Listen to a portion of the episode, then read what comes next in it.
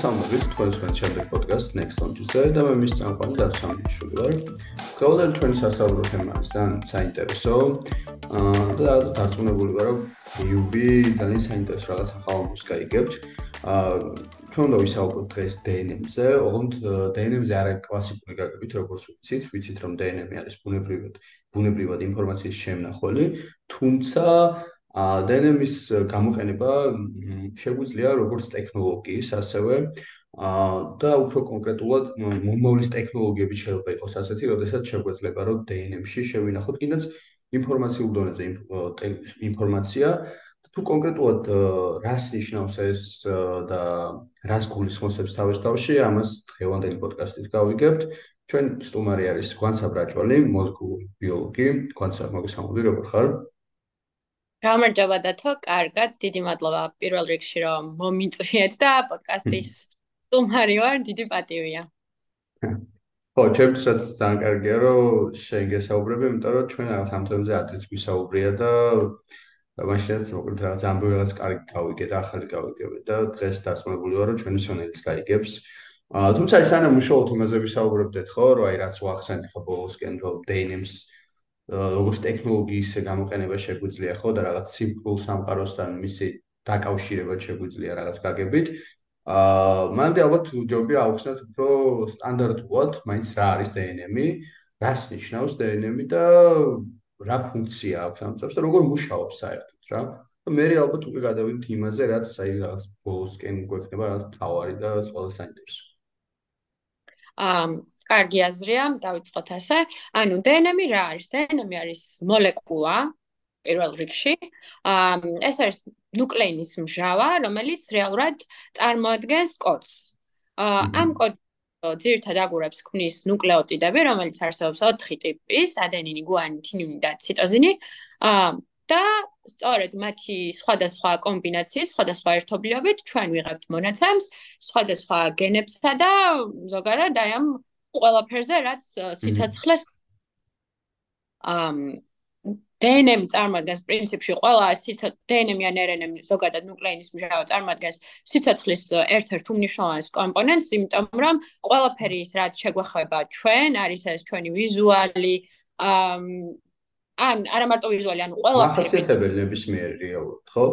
ნებისმიერი მახასიათებელი აბსოლუტურად არის გამდინარე იქიდან, რომ ეს ყველაფერი გაწერილი არის წინასწარ ჩვენს გენეტიკურ კოდში.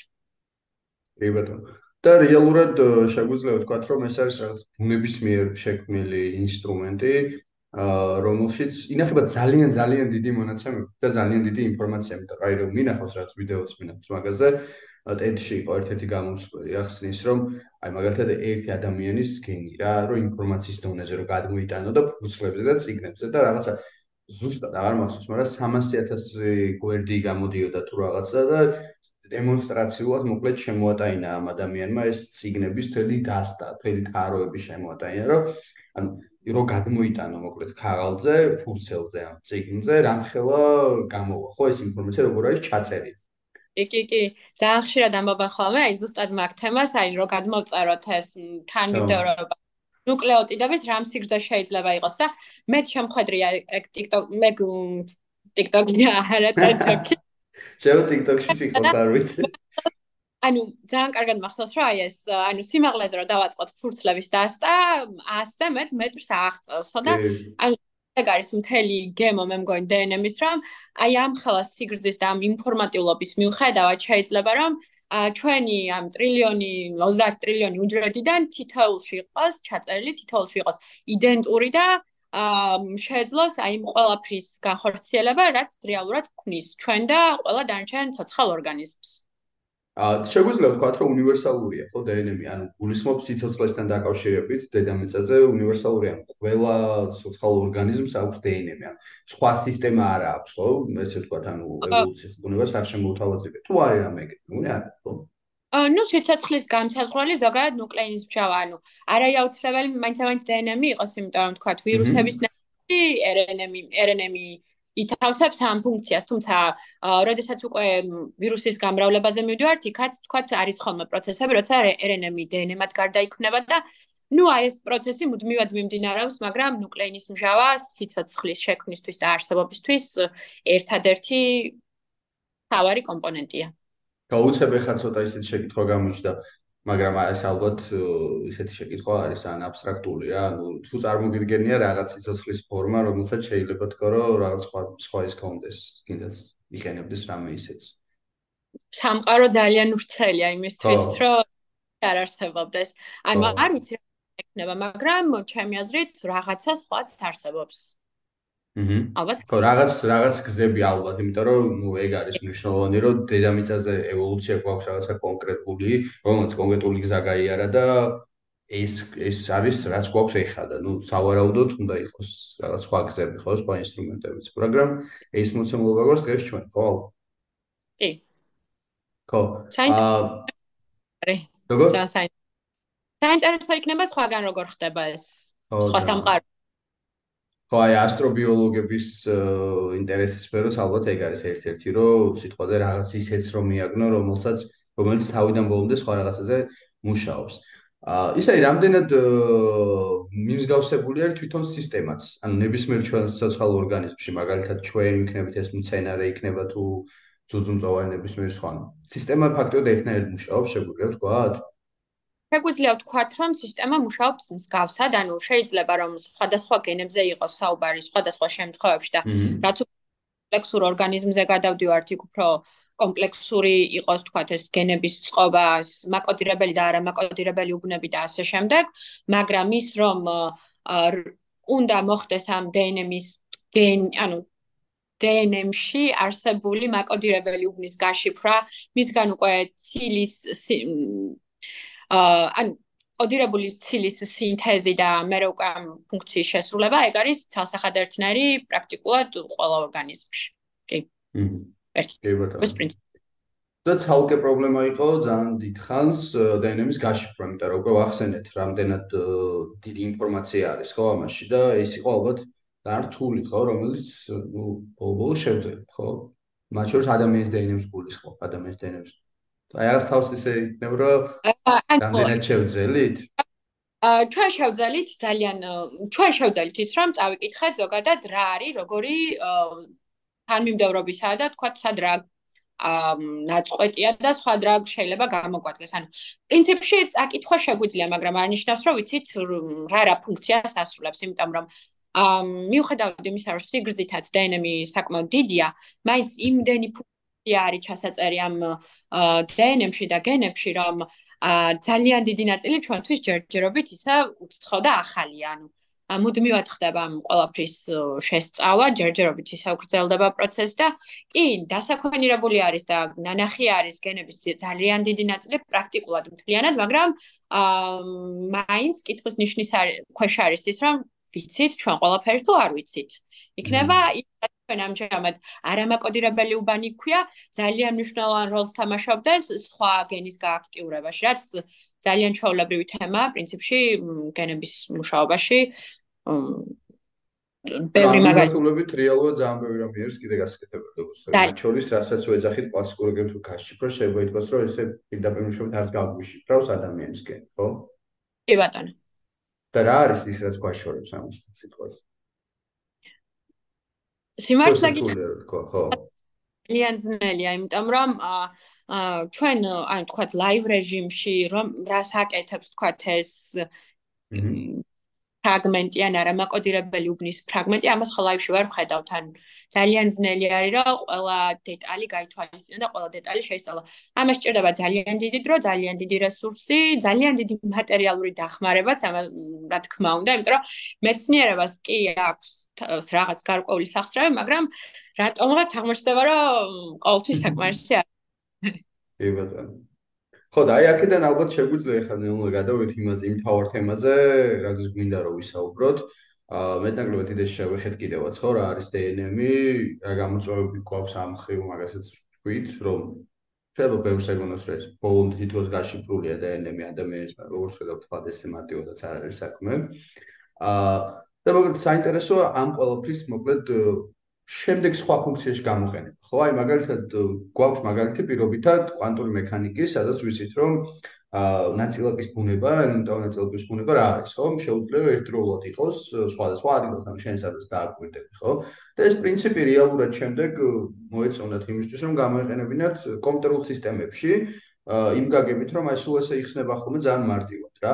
თუ ავიღებ სუპერკომპიუტერს, კლასიკურ სუპერკომპიუტერს, რომელიც 0-სა და 1-ზე მუშაობს, რას აკეთებს, ხო? ის პირობითად რომ მივწერთ დავალება რომ უნდა გავიდეს ლაბირინთიდან, მას თუ რაც უფრო სწრაფი კონტრე, მით უფრო მარტივად სწრაფად ნახულობს, ესე ვთქვათ, ყველა გზას და ეგეუნება ეს არის სწორი.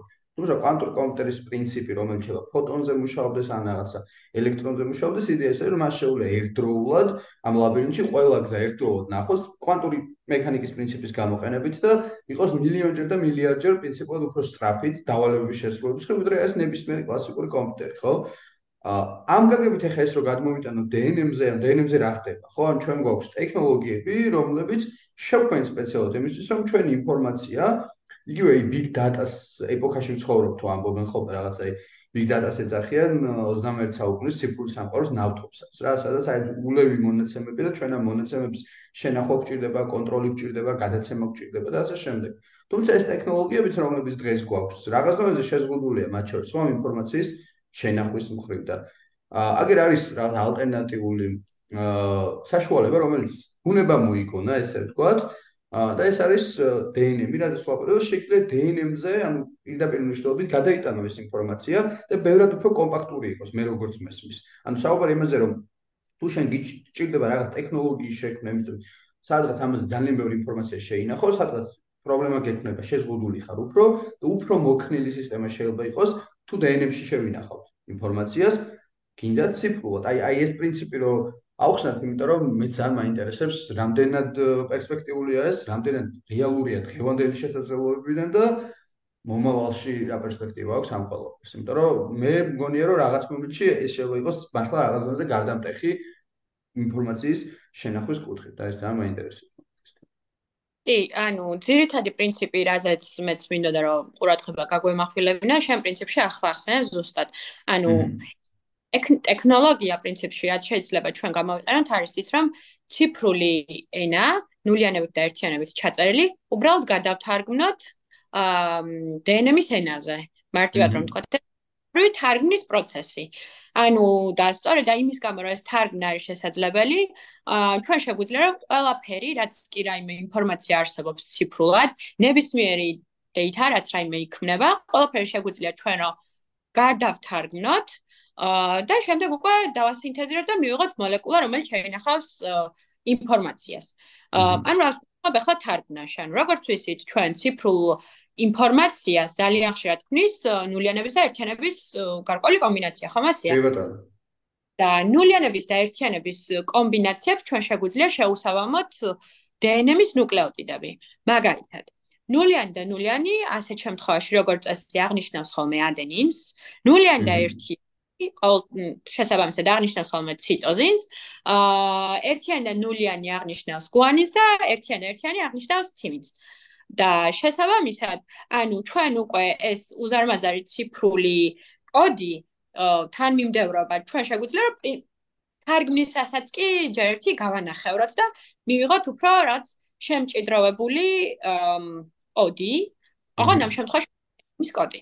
აა დღესდღეობით უკვე განვითარებული ტექნოლოგია არის რომ ჩვენი თანმიმდევრობა უბრალოდ დავდგეთ და სპეციალური აპარატურით დავასინთეზროთ. უბრალოდ შევქმნათ, დავბეჭდოთ და შესაბამისად აი ამ დაბეჭდის შედეგად მივიღებთ მოლეკულას, აა რომელშიც შეიძლება ჩაწერილი იყოს თუნდაც აი ეს გადაცემა რაღაც პერიოდის მერე და დნმ-თ და მოვათავსოთ სინჯარაში.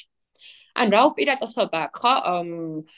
აა დნმ-ში ჯერთი რომ ადამიანის აი ამ ხლა უზარმაზარი ინფორმაცია ხომ არის შენახული და რო ავიღოთ ჩაოლებრივი მონაცემები და დავკეცოთ DNM-ად და გადავიყვანთ ამ ფორმატში, მოცულობაში იქნება ძალიან პატარა. ანუ თუ ჩვენი არის იმდენად დიდი რომ დაიტიოს აი ამდენად დიდი DNM-ი, მაშინ ჩვენ დასინთეზირებული DNM-ით შეიძლება რაღაცნაირად აა ჩვენ DNM შეიძლება მივცეთ რაღაცა ისეთი სტრუქტურა, ისეთი ფორმა, რა ისიც წარმოადგენდა ეს შესაბამისად ცირე ზომისას. რომ წარმოვიცეთ არანაირი სტრუქტურა პრინციპში ამას წინათ ვნახე რომ დაახლოებით 1 გრამ დნმ-ში ეს სინთეზირებისას 1 გრამ. 1 გრამ დნმ-ში წარმოვიდი აი ჩაის კოვზის ზომა სითხეში დნმ-ში ჩვენ შეგვიძლია ჩავტიოთ 200 1000 ტერაბაიტი.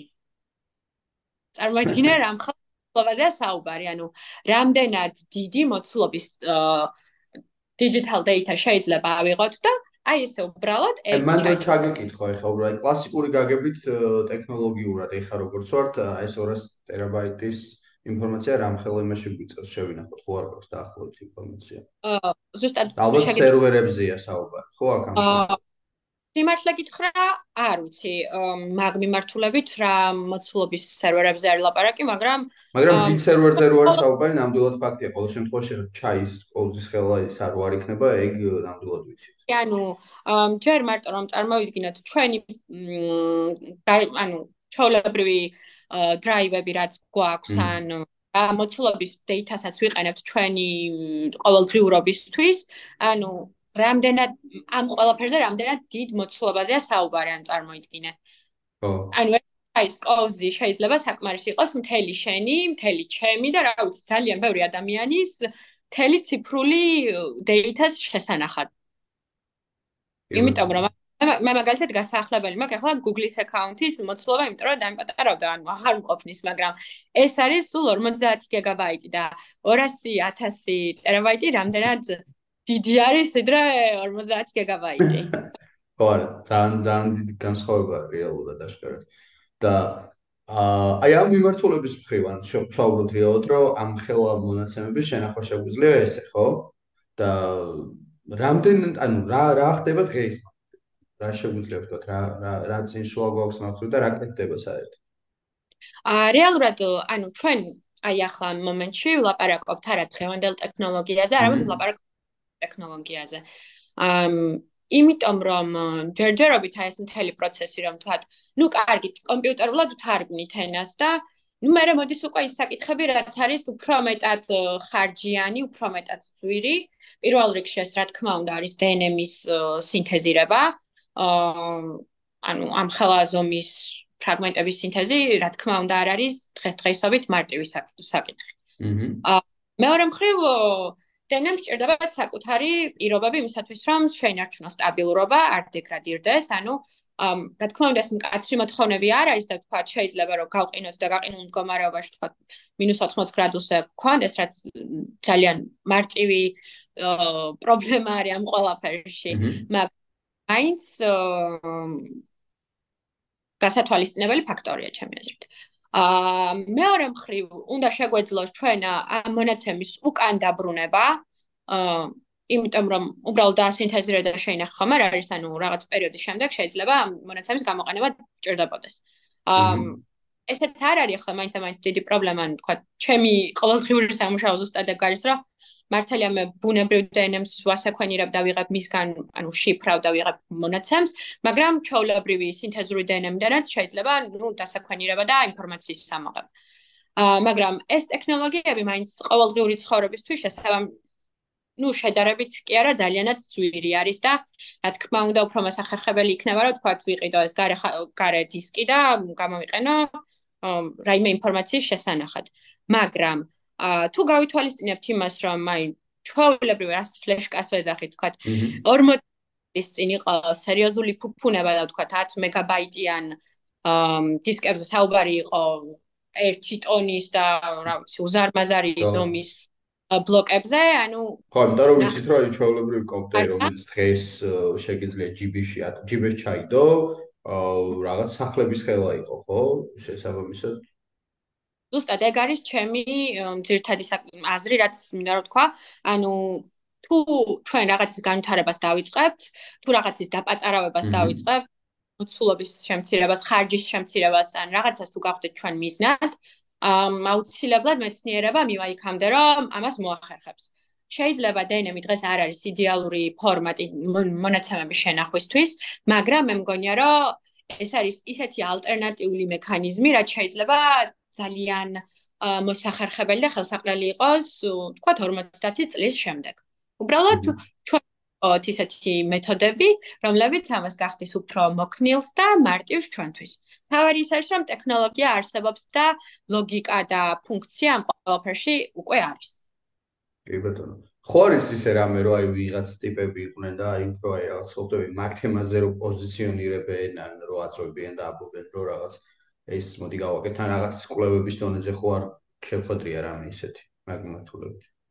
ის თუ არ ვწდები ჰარვარდის უნივერსიტეტის ანუ ძირითადად რა თქმა უნდა კვლევითი ჯგუფები არის ამისი უნივერსიტეტის ბაზებზე ან რა ვიცი კომერციულ ბაზებზე. რა თქმა უნდა სამ ჯგუფების ინტერესი ჯერჯერობით არ არის უფრო კომერციული და მეცნიერებისთვის სათამაშო მექანიზმებია.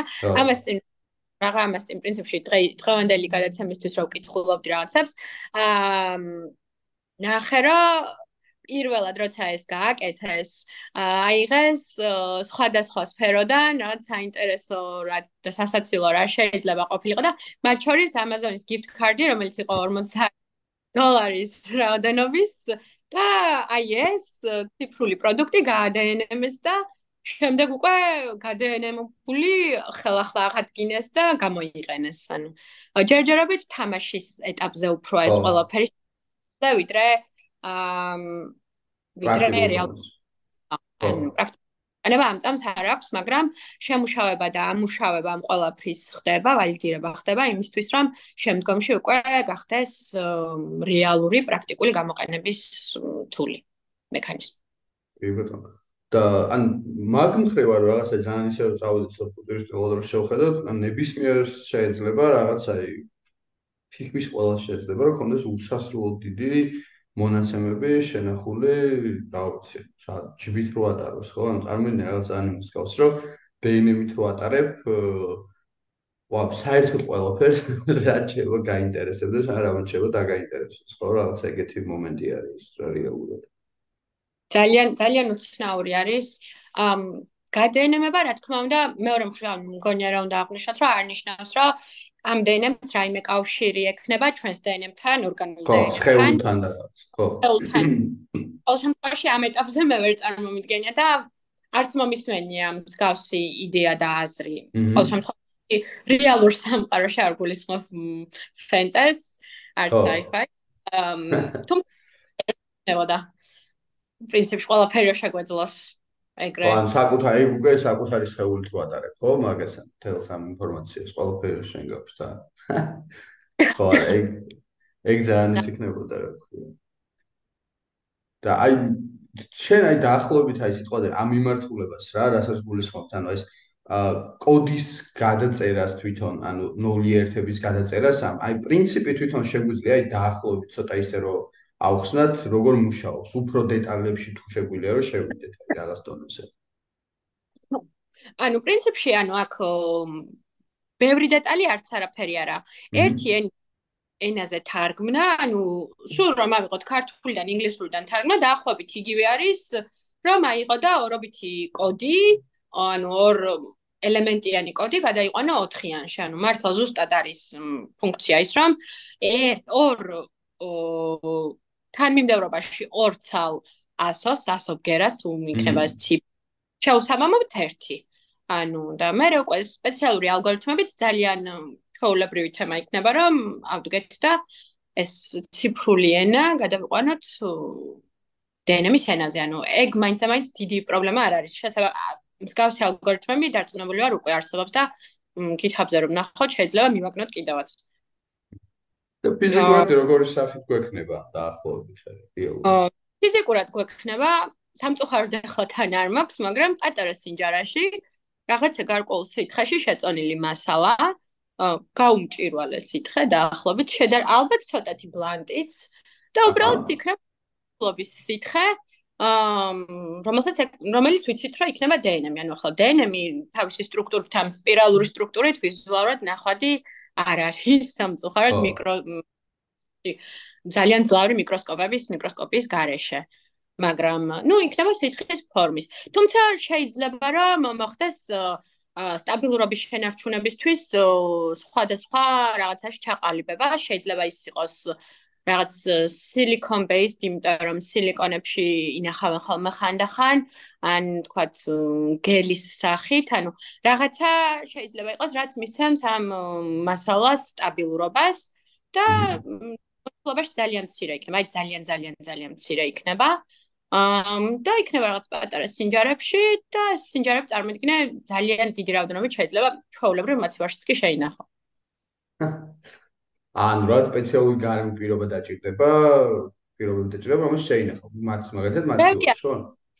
ბევრი არაფერი, ძირთად აა ყველაფერი არის ხოლმე ტემპერატურაზე დამოკიდებული, შეიძლება რაღაც ბუფერული ველი დაჭირდეს სხვადასხვა პირობაში გაჩნია რა ნაირად იქნება დნმ შენახული, მაგრამ აი წარმოიდგინე ხო, აა ჩვენ რეალურად გვაქვს შესაძლებლობა დღეს უკვე რომ ავიღოთ რაც 100000ობით წლის წინანდელი ჩონჩხიდან რაღაცა მასალა და გავშიფროთ და ნახოთ ზუსტად როგორი იყო ამ თქვათ 200000 წლის წინ ცხოვრები ადამიანი. სიზუსტით შეგვიძლია ეს ვნახოთ, ხო? გენების დონეზე შეგვიძლია ვნახოთ. ამ გენებით შეგვიძლია გავიგოთ რა კანისფერი, თმისფერი, სახის მოყვანილობა, სახის მოყვანილობაც, კი.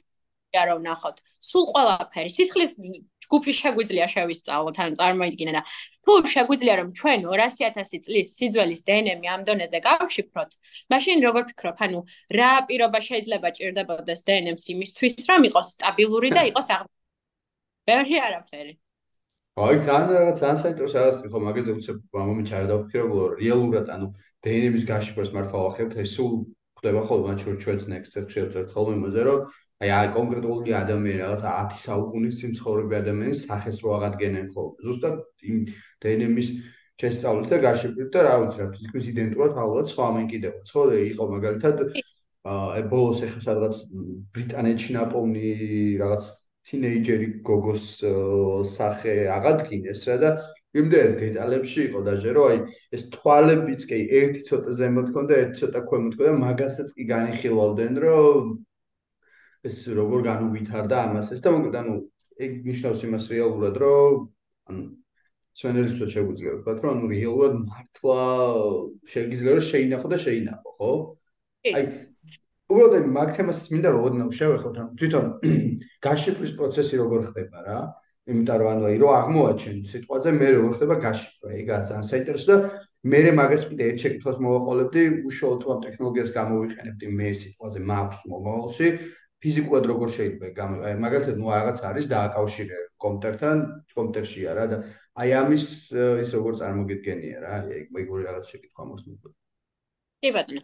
ანუ დნმ-ის გაშიფრვა ეს არის ტექნოლოგია რომელიც მსოფლიოში ახლა ჩემს სფეროში არის ერთ-ერთი ყველაზე პოპულარული მათ შორის არშენ ნამყოფი სტუმრად და არ ვიცი გახსოვს აპარატურა მაშინ ვახსენეთ გაჩვენე მაისეკები illuminas ტექნოლოგიის რომელიც წარმოადგენს იდეალურ აპარატურას იმისთვის რომ დნმ-ის სეკვენირება ანუ გაშიფრვა მოახდინო ანუ ლაბორატორიულ პირობებში არსებობს მთელი რიგი ფაიფლაინების და პროტოკოლების იმისა თუ რა რეაგენტებით რა სტეპე ანუ რა ნაბიჯებით და რა დნმ-ი გაშიფრო ეს არ არის მაინც ამაინც დიდი პრობლემა იმიტომ რომ დღესდღეობით მეც პირადად ამ თემაზე ვმუშაობ. ანუ დამკვიდრებული მეთოდიკა არის და არ არის რაღაცა განსაკუთრებული ამ შემთხვევაში უკვე.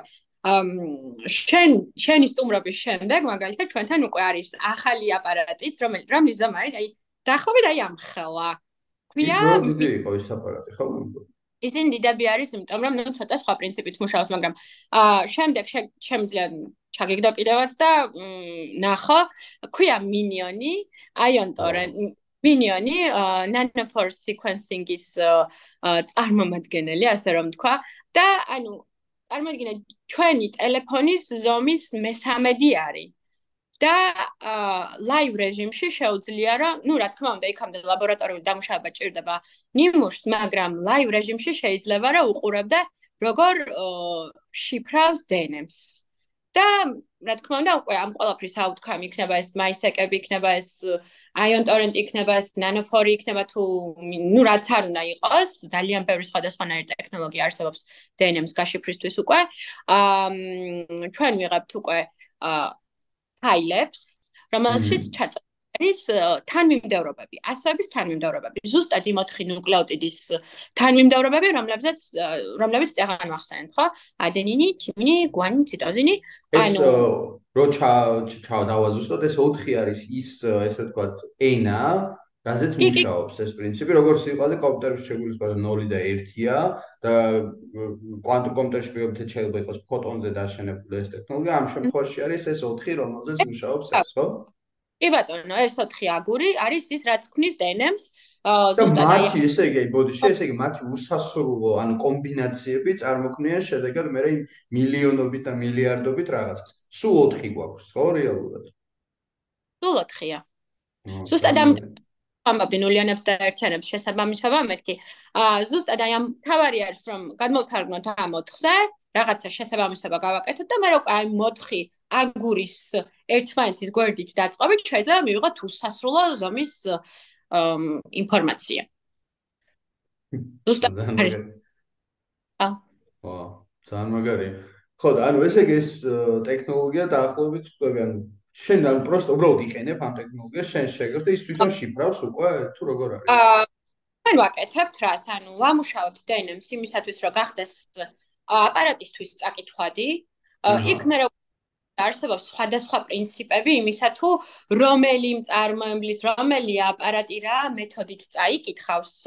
შეიძლება ეს არის ოპტიკური, ეს შეიძლება იყოს დამოკიდებული pH-ზე, ანუ H-ის გამოთავის, ანუ ნაწილაკების გამოთავისუფლებაზე მარტივად რომ თქვა, ან pH-ის ცვლილებაზე შეიძლება იყოს დამოკიდებული.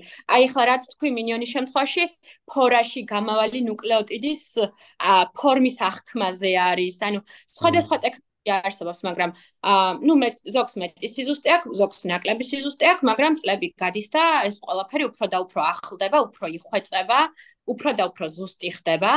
აა და ანუ აპარატი ამ ყველაფერს აღიქვამს, სათითაოდ ახდენს ჩაწერას. ეხლა ეს ნუკლეოტიდი იყო, თქვა ადენინი. ოი, აი ამის მერე გვანინი ყოფილა. აი ამის მერე ციტოზინიანი ყოფილა და ეს სათითაოდ ახდენს თითოეულის ჩაწერას და ჩვენ გვაძლევს ფაილს, რომელშიც ჩამოწერილი არის თანმიმდევრობა თითოეული ნიმუშისთვის, თქვა. შეიძლება 1 გავშვა, შეიძლება 10 გავშვა, შეიძლება 95 გავშვა, შეიძლება 384 გავშვა. სიტყვაზე. ბევრი დიდი შესაძლებლობები არსებობს. და თითოეული ნიმუშისთვის შენ იღებ ფაილს, რომელშიც არის წერია, კოდი და მე ნუ რა თქმა უნდა შენ ბიოინფორმატიკულად იწევს დამუშავება მონაცემების, აქ არსებობს ალგორითმები, მთელი რიგი პროგრამებისა და ნუ მეცნიერება ბიოინფორმატიკა ეს უკვე მეცნიერება არის საკმაოდ მნიშვნელოვანი და მის გარშე ჩვენ ვერანაირ მონაცემს ვერ გავშიფრავდით პრაქტიკულად და დამუშავების შემდეგ, ანუ თუ ვისაუბრებთ უკვე როგორ უნდა გამოვიყენოთ ეს ინფორმაცია შემდეგ უკვე თქვა მისაღებად იმ ფაილის რაღაც რაც ჩვენ დავაკოდირეთ, ანუ უბრალოდ ამ იმდევრობას ზუსტად ისე როგორც ციფრული გადმოთარგმნეთ DNM-ის ენაზე, მე ავდგებთ და DNM-ს გადავთარგმნით ციფრულ ენაზე. და მივიღებთ ზუსტად იმ ფაილს, რომელიც ერთხელ უკვე დავაკოდირეთ. აა, ანუ უბრალოდ ხდება გადათარგმნება დავაზუსტოთ და ანუ სიტყვაზე ხალ მე რომ მაქვს ეს პირდაპირ კომპიუტერთან ვერ დააკავშირებ, ალბათ, ხო ამას, ანუ რაღაც სპეციალური განადგარდაჭი. არა, ხო? რა თქმა უნდა, ჭირდება ლაბორატორიული დამუშავება და გაშიფრა და მე უკვე ამას დაჭირდება თარგმნა გაციფრულება და ციფრულიდან მე უკვე ანუ ჩვენ ხო ციფრული მონაცემების data-ს გადააკეთებას ვახერხებთ სხვა ფორმატ. და თუ გვინდა რომ მე პირვანდელი სახე ვნახოთ რა თქმა უნდა უნდა დაუბრუნოთ პირვანდელი ფორმატი და ვნახოთ როგორ გამოიყურება ის ციფრულად ანუ საინტერესო უბრალოდ ეს უშუალოდ რამდენად იმუშავებს. ანუ გულისხმობს რომ აი მაგალითად რაღაცა მონაცემები, რომლებიც გაგვიყიდაპირ ჩაშენებული კომპიუტერში. პრობლემები აქვს გულისხმობს. აი ამ შემთხვევაში რამდენად შესაძლებელი იქნება? თუ ეს იქნება აი უბრალოდ ასე ვთქვათ სერვერის სახით, რომელიც უბრალოდ იქნება ინფორმაცია და მე როცა ეს დაგჭირება შეუნდა გადაიტანო. აი ეგ ეგ შეკითხვა გამოჩნდა უბრალოდ. აა ამ ეტაპზე რა ტექნოლოგიებიც გვაქვს განვითარებული, როგორც ბიბლიოთეკა, როგორც მონაცემთება და ეს ფუნქცია ექნება საწყის ეტაპზე მაინც, მაგრამ რასაც ხედავ რომ ტექნოლოგიების განვითარება რა ტემპით და რა ფანტაზიის სფეროში ხდება, ალბათ რაღაცა ეტაპზე მეცნიერება იქამდეც მივარო, ეს იქნება რაღაც ძალიან სწრაფი და ძალიან ავტომატიზირებული რაღაცა, რომ თქვათ ლაივ რეჟიმში დნმ-ი და ხდებოდეს ამ ყოველფრის კოდირება გაშ ანუ ალბათ მაგამდეც მივა მეცნიერება, თუმცა ხო, ამ ეტაპზე ჯერჯერობით ცოტათი ფანტა. კი ბატონო.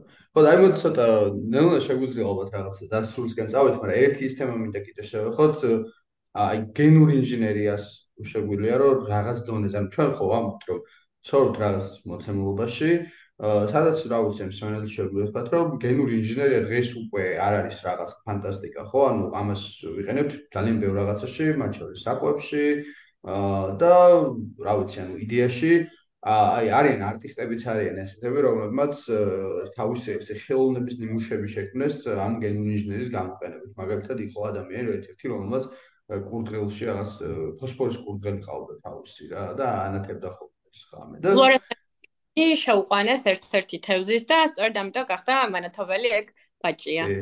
ხო, და ნუ ბაჭია რაღაც ჯანმრთელი იყო და არაფერი პრობლემა არ აქვს ხო? და ანუ ამით ისე თქვა მინდა რომ რაღაც დონეზე სახეობა იმ გაგებით როგორითაც ჩვენ ვიცნობთ საკუთარ თავს მომავალში შეიძლება დადგეს იმ არჩევნის წინაშე რომ სულს თუ არა მას რაღაც თავი დახვეწოს უკვე ხო?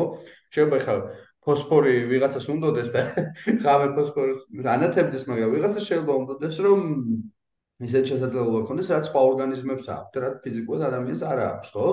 რა ვიცი, ვიღაცას შეიძლება ფრენა უნდოდეს, ვიღაცას შეიძლება რაღაც კონკრეტული ცხოველის მოქნილობა ჭირდებოდეს, რა და აი უბრალოდ ეს შეიძლება ხე საერთოდ შოშარი ერთმანეთთან, მაგრამ აი რაღაც ესეთ მომავალში, სადაც იდეაში ესეთ დონეზე არის გამოყენებული ტექნოლოგია რა, უბრალოდ აი ძალიან ჰიპოთეტურად წარმოვიდგინოთ. შეგვიძლია თუ არა რომ აი რაღაც დონეზე ესეთ მომავალში თავიდან ბოლომდე ეს გენური ინჟინერია რაღაც უფრო ჩაერთოს, კიდაც ამ DNM-ზე манипулиრებით და შესაძლებელია თუ არა რომ კიდაც აი რაც მე ვთქვი რომ ადამიანმა მაგალითად კიდაც ისე შეცვალოს თავისი DNM-ი, თავისი გენეტიკა, რომ რა ფრენა შეძლოს კიდაც მის თავმოყობა, მაგრამ ასე იგი, არ ვიცი რამდენად. ამ თუ ძალიან ფანტასტიკის სფეროა დღეს ეს ყველაფერი. აი ხა ჩვენ ლაპარაკი რა დავიწყეთ, ზუსტად მაგ საკითხს შევეხეთ ჩემი აზრით. გაშიფრულია რა ადამიანის გენომი თავიდან ბოლომდე. აა სწორედ იმიტომ თქვი რომ არ არის ეს ყველაფერი დასრულებული პროცესი, რომ ჩვენ ჯერჯერობით არ ვიცით, აი ამ პატარა რაც მცირე ჩარავებით საბოლოოდ რა შედეგს მივიღებთ. ამიტომ ის რომ ჩვენ ავდგეთ და რაღაცა ფუნქცია ხელახალი, ანუ რაღაც ძალიან ახალი შევძინოთ ჩვენს გენომს აა ჯერჯერობით მაინც-მაინც შეძლებადი არ მგონია. აა გულისხმობ რაღაცაი ფრენის ნიჭს მაგალითად, ხო რაღაც ფრთები, ფუნქციური ფრთების მით უმეტეს. შეიძლება რაღაცა ჩააშენო და ფრთის მაგვარი წარმონაქმნი შეიძინო. ეგ კიდე უფრო რა ვიცი, ალბათ არ ვიცი, სიმართლე გითხრან, ძალიან ჩემთვის ჯერჯერობით წარმოუდგენელი არის. თუმცა ის პროსპორი თუ არის იმ ბაჭიაში, რატო არ არის შესაძლებელი, რომ იგივე პრინციპით რაღაც სხვა სკილი შეიძინოს სოციალურ ორგანიზმს, რაც არ აქვს მაგალითად. ნუ თუ ანუ რომ ვიცოდეთ ყველაფერი რა რას გამოიწვევს, ან რომ ვიცოდეთ რომ აი ამ ორგენს შორის შემიძლია ახალი რაღაც ჩავაკერო, კი. კი, ალბათ ჩააკერებ. მაგრამ აა როგორც თქვი, არსებობს გენომში არამაკოდირებელი უბნები, რომლებიც რეალურად რეგულატორულ ფუნქციებს ასრულებენ. ჩვენ ჯერჯერობით არ აქვს სრული ცოდნა იმისა, თუ ფუნქციური არის მხოლოდ ეს კონკრეტული მაკოდირებელი უბანი, თუ მას ჭირდება რაღაც დამატებითი, რაც ამას აა გააქტიურებს და ჩართავს. ანუ იმდენად კომპლექსურია, ჯერჯერობით ეგ ძალიან ძალიან რთული იქნება, რომ აა გაითვალისწინო, რომ კი, მე ამას ჩავაშენებ აქ, ამას რო აქ ჩავაშენებ, მე ეს რას გამოყვება, ხო? მაგას გულისხმობ როგორც მე. ხო, ანუ ჩვენ არიცი ჯერჯერობ, ანუ არ ვიცით ჯერჯერობით სად უნდა ჩავაშენოთ ახალი გენი? რო ჩააშენებ, სხვა სხვა შეუშლის ხელს, სხვა თუ შეუშლის ხელს, თვითონ ფუნქციური იქნება თუ არა? აა თავის ფუნქციონირებისთვის დამატებითი ელემენტი სჭირდება თუ არა? ან როგორ არის იცი? კონკრეტულ უბანზე არსებულმა ნუკლეოტიდის ცვლილებამ შეიძლება გამოიწვიოს ის რომ თლიანად შეგიცვალოს რაღაცა ნიშან თვისება. შესაბამისად შენ თუ თქვათ იმ ნუკლეოტიდზე ჯერ ინფორმაცია არ აქვს რომ ამის ცვლილება გამოიწვევს რაღაც კოლოსალურ შედეგს კარგისკენ ან ცუდისკენ ვერ გააკეთებ და ჩვენ ეს სრული ინფორმაცია ჯერჯერობით არ გვაქვს. როცა იქნება სრული ინფორმაცია იმისა, რომ აი თუ მე ნუკლეოტიდს გადავანაცვლებ, შედეგად მივიღებ ამას, ნუ ბევრ გენზე შესაძლებელია, მაგრამ ყველაფერზე არა. თუ მექნება სრული ინფორმაცია ყველა ფუნქციური ელემენტის შესახებ გენომში, მაშინ კი ალბათ რაღაცების ცვლილება შეგვეძლება, მაგრამ ახლა როცა ბევრი რაღაცა ჯერ ისე კითხვის ნიშნის ქვეშაა, ალბათ ვერ. ჯერჯერობით კაცობრიობა ვერ მოაგვარა სიმსვინეების პრობლემა, ხო? ხო. ანუ ამ გადმოსახედიდან ალბათ ძალიან ბევრი სხვა პრიორიტეტი არსებობს, ვიდრე არის ფრენა. ვიდრე ვიღაცა რა გაფრინდეს. ხო. თუმცა მე ამას არ არ გულისხმობდი მარტო გასართობ დონეზე ხვდები, ხა ის ესე ვთქვათ ხელოვნების ნიმ ხო ის ხელოვნების ნიმუში რაც იყო სიტყვაზე ის ბაჭია, ხო? ნუ ეს არის რაღაცა ხელოვნება, მაგრამ აა აი მაგალითად არსებობენ წყლის დათვებს რასაც ვეძახით, ხო? რომლებიც არიან, რა ვიცი, ყველაზე გამძლე ორგანიზმები, მე მგონი, რომელიც დედამიწაზეა. მინიატურული რაღაცა მიკროარსებებია, რომლებიც მის გარშე არ ჩანან ეს წყლის დათვები და აი რო წარმოვიდგინოთ აი სვენელსაც რო აუხსნათ და ახლობით როგორი რაღაცაა აა თითქოს ყველანაირ პირობებს შეუძლია გაუძლოს ამ სოციალ ორგანიზმს და იდეაში ეს აა ორგანიზმები როგორც ვიცი მე კოსმოსშიც კი გაიყვანეს და იქაც კი გაძლეს ამ არსებებმა. აღარ ვამბობ იმას თუ რამდენად რთულ და ის პირობებს შეუძლიათ გაძლო. ამასთან შედარებით ჩვენ ანუ ადამიანები ვართ მოწყვლადი თქო არ ვიცი როგორ თქვა ძალიან დაუცველი არსებები ხო? აა და მით უმეტეს პირდაპირ მნიშვნელობით სიცოცხლეს ეხება ეს ერთი და მეორე იმას რომ თუ გინდა რაღაცა მომავალში აითვისო კოსმოსი ან რაღაცა ის ბიოლოგიური ფორმა როგორც ახლა მე და შენ ვართ და ჩვენი მსვენელია აა არ არის მზად ამ ყოველთვის ხო? ვიცი ჩვენ სკაფანდრების აღშობის ამბობთ და მოკლედ აი სამყაროს 99%-ში მოკლედ სამყაროში ადამიანი ფიზიკურად ვერაც ვერ გაჩერდება ხო? ერთ ერთ პლანეტა გვაქვს სადაც შედოთ აა აბსოლუტურად დიდად არ ვთხილდებით მოკლედ იმის თქმა მინდა რომ ანუ ეს ფორმირება შეიძლება იყოს ის რომ ანუ ეს სახეობა მივიღოთ უფრო საინტერესო, უფრო გამძლე, უფრო ჭკვიანიც და უფრო რა ვიცი, ბევრი შეძლებები ქონდეს. თუმცა შეიძლება სამ ბექ პრინციპი მესმის, ხო, ხო. ამ ყველაფერთან ანუ ძალიან მნიშვნელოვანი არის რომ რამდენიმე ცოტა შეიძლება ისეთი საკითხი ვახსენოთ, რაც მაინც არ შეეხებოდა ჩვენ დღევანდელი საუბრის თემას, მაგრამ ასეთ ჩაროებს რა თქვა გენური ინჟინერიაზე მით უმეტეს ადამიანის შემთხვევაში ძალიან მნიშვნელოვანია რომ ეთიკა ეთიკა ვახსენოთ იმიტომ რომ კი მაგარი იქნება რომ ადამიანს შევძინოთ ახალი თვისებები, ნიშან-თვისებები, რომლებიც თქვა სახეობას გააძლიერებს, ხო? მაგრამ აა სანამ იქამდე მიხვალ რომ შენ ამ ყოლაფრის კარგად გამოყენება შეგეძლება, შენ ეს მეთოდი უნდა ტესტო და ტესტვის და ექსპერიმენტების პროცესში როგორც წესი დანაკარგი არის ძალიან დიდი, იმიტომ რომ ექსპერიმენტების ნაწილი ამართლებს, ექსპერიმენტის ნაწილი არ ამართლებს. ამიტომ ჯერ ალბათ უნდა შევქმნათ ის სამოდელო სისტემა, იმიტომ რომ მე არ მგონია რომ თლად ესე ეთიკური იქნება ეს ცოცხალ ორგანიზმებზე მithumetes ადამიანის მაგვარ ამ რაღაცა მსგავსი ექსპერიმენტების ტარება. ანუ ჯერ უნდა შეგეძლო შენ ამ მოდელირება ამ ყველაფრის ნახვა და დაზუსტება როგორ იმუშავებს და შემდეგ უკვე უნდა გადახვიდე იმაზე რომ თქვა გატესტო. მაგრამ მოდელირების მიუხედავად როგორც ძალიან ხშირად ეს ყველაფერი მაინც არ ამართლებს ხოლმე და ამიტომ არის რთული. თუმცა კიდევ ერთი საკითხი არის ის რომ შენ შეგეძლება ძალიან ბევრი განსხვავებული და მრავალფეროვანი ნიშანთვისების შეძენა. არნიშნავს რომ ყველა ადამიანი ყველა ძალაუფლების ფულის, რა ვიცი, შესაძლებელი ადამიანი არის იმდენად კარგი, რომ ამას გამოიყენებს კარგი მიმართულებით. ან აუცილებლად უნდა ვიფიქროთ იმაზე, რომ ამ საოცარ ტექნოლოგიებს შეიძლება ცუდი გამოყენება ქონდეს. მოკლედ ფრთები დამაჭერი შენ ხო? ამეტაზე, მაგრამ თუ მივალთ იქამდე და შევცვლით იმ ნიშანთვისებას, რომ ადამიანები გახდნენ აბსოლუტურად კარგები, მაშინ რატომაც არა და ვთქვათ ფრენის უნი მე ძალიან მომეწონება. კი ბატონო. და მოკლედ აი ეს თემა შეგვიგავთ თუმცა ამოწროთ რა აი შენ თქვი რომ რაღაც გვაკლიაო და აი რამდენი გვაკლია რეალურად შენ ეს დაახლოებით თუ შეგვიძლია ვთქვათ კიდაც ისეთ პერიოდამდე ა რომ შევძლებთ რას თავიდან ვთქვით რასაც თავიდან შევხეთ რომ აი რო თქვი რომ დნმ-ი გაშიფრულია თქო, ანუ აი რეალურად რო ვთქვა რომ ვიცით უკვე, გინდათ ის ვიცით რომ აი რაც სრულებას რა მოყვება. თუ ეს შევა ისეთი საქმე იყოს რომ რა ვიცი ძალიან დიდ ფიქრს შევძლებთ. ამაში ხო რეალ კომპიუტერებსაც ვიყენებთ. ანუ რაღაც დონეზე მე როგორც მესმის, კომპიუტერების სიმძლავრეც არის დამოკიდებული იმ პირდაპირ კორელაციაში იმასთან, რომ რამდენად შეძლებს ყველაზე დნმ-ის ბოლომდე დნმ ბოლომდე манипуლირებას, მათ შორის ინფორმაციის შენახვას.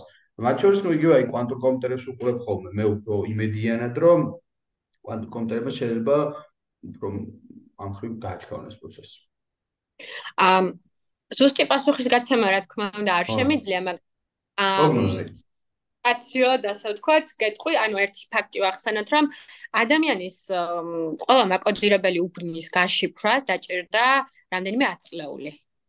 და დღე თქვენ ამ ინფორმაციის მიღება შეგვიძლია ერთ დღეში, ორ დღეში, კაი, ერთ კვირაში. აა ანუ და ნუ ეს მოხდა 90-იან წლებიდან დღემდე, ანუ 30 წელში ყველაფერი განვითარდა იმდენად, რომ ის საქმე რაც თქვა 10 წლეულების ხანგრძლივობის იყო დღეს ერთ კვირაში შეიძლება ჩაატიო. ამიტომ მგონია რომ ტექნოლოგიები ვითარდება ისე რომ ვერავინ ვერ გამსაზღვრავთ რამდენად სწრაფად იქნება ყველაფერი შესაძლებელი. მაგრამ მგონია რომ ეს ყველაფერი იქნება მალე და ძალიან დიდი მედი მაქვს რომ ასეთ საინტერესო ცვლილებებს მოვესწრებ და მეც ნახავ. თუმცა დარწმუნებული ვერ არ ვარ, მაგრამ იმედი მაქვს. იმედი მაქვს, მე ძალიან დიდი იმედი მაქვს, რომ რაღაც ისეთ მნიშვნელოვან ცვლილებებს მოვესწრებით, იმიტომ რომ მე ყოველთვის მაგას უსვამ ხოლმე ხას, რომ მეშინია რომ უბრალოდ ის თაობა არ ვიყოთ, რომელიც რაღაცებს შორიდან ხედავს, მაგრამ ვერ შეეხება. და ბოლოი თაობა არ ვიყოთ. იმიტომ რომ ფანტაზიის დონეზე თითქმის ყველაფერი შეგვიძლია უკვე დაუშვათ, ხო, ჩვენ რეალურად აა აგერ რაც ჩვენ თემა რაზეც იყო, ის რომ დნმ-ში ინფორმაცია ციფრული გადაიტანო, გადმოიტანო, ის რომ სახეობა შეიცვალოს თავიდან ბოლომდე, ის რომ სიცოცხლის გახანძლებას მივახციოთ, ის რომ ადამიანი შეიძლება უკდავიც გახდეს, ის რომ ადამიანი როგორც ასეთი შეიძლება საერთოდ სხვა სახეობად იქცეს, მაგრამ ეს ყველაფერი შეიძლება ჩვენ თავისთვის დარჩეს მართლა თეორიებად, რომელსაც უბრალოდ ხედავთ და ფიზიკურად ვერ შევეხეთ. მაგრამ რა ვიცი, მე მაინც აი ჩემთვის ძალიან დიდი ბედნიერება იქნება თუ მოვესწრებ იმ პერიოდს, რაც იმ მომავალს, სადაც მაგალითად არის არსებობს ისეთი დაავადებები, რომლებიც ხდეს ძალიან ძალიან მოწყვლაც. ხო, ანუ ეს შეიძლება კი ბოლო.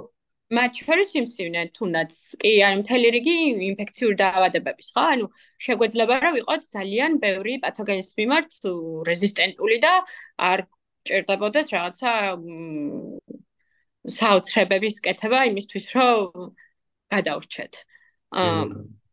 ანუ ესეც კი იქნება უზარმაზარი გადადგმული ნაბიჯი, იმიტომ რომ ეხლა მიხედავთ იმისა, რომ ტექნოლოგიები და ყველაფერი ვითარდება, კაცობრიობა იმ კითხვის ნიშნის ქვეშაც კი დგას, რომ დღეს რა ანტიბიოტიკებიც მაქვს, ხალე ეს იქნება ფუნქციური თუ არ იქნება. ანუ როდესაც ესეთი ყოფითი ანუ მართლა ყოფითი პრობლემები არის ჩვენს გარშემო და გვიწევს რომ ჯერ ეს პრობლემები აღმოფხრათ, ну რაღაცა ეს მართლა ფანტაზიას ვერ შევეხებით. ალბათ ეგ ფუნება ჯერ არ გვაქვს, მაგრამ იმედი მაქვს რომ იქამდე მივალთ და იმას მაინც ნახავთ, რომ ეს ყოფითი პრობლემები მოგშორდება და რაღაცა ეს სინათლის და ეს ჩვენი ალბათ ბავშვობის და მოზარდობის და მოზრდილობის ოცნებებიც წავა რაღაცა ბატონო. მადლობა ძალიან დიდი გვანსა და რა ვიცი, ჩემთვის ძალიან საინტერესო იყო საუბარი შენთან, დარწმუნებული ვარ, რომ სმაილმა ძალიან ბევრი საინტერესო გაიგო და ისინიც კმაყოფილები არიან. მადლობა კიდევ ერთხელ, მადლობა რომ ჩვენთან ერთად იყავი და მადლობა სმაილსაც რომ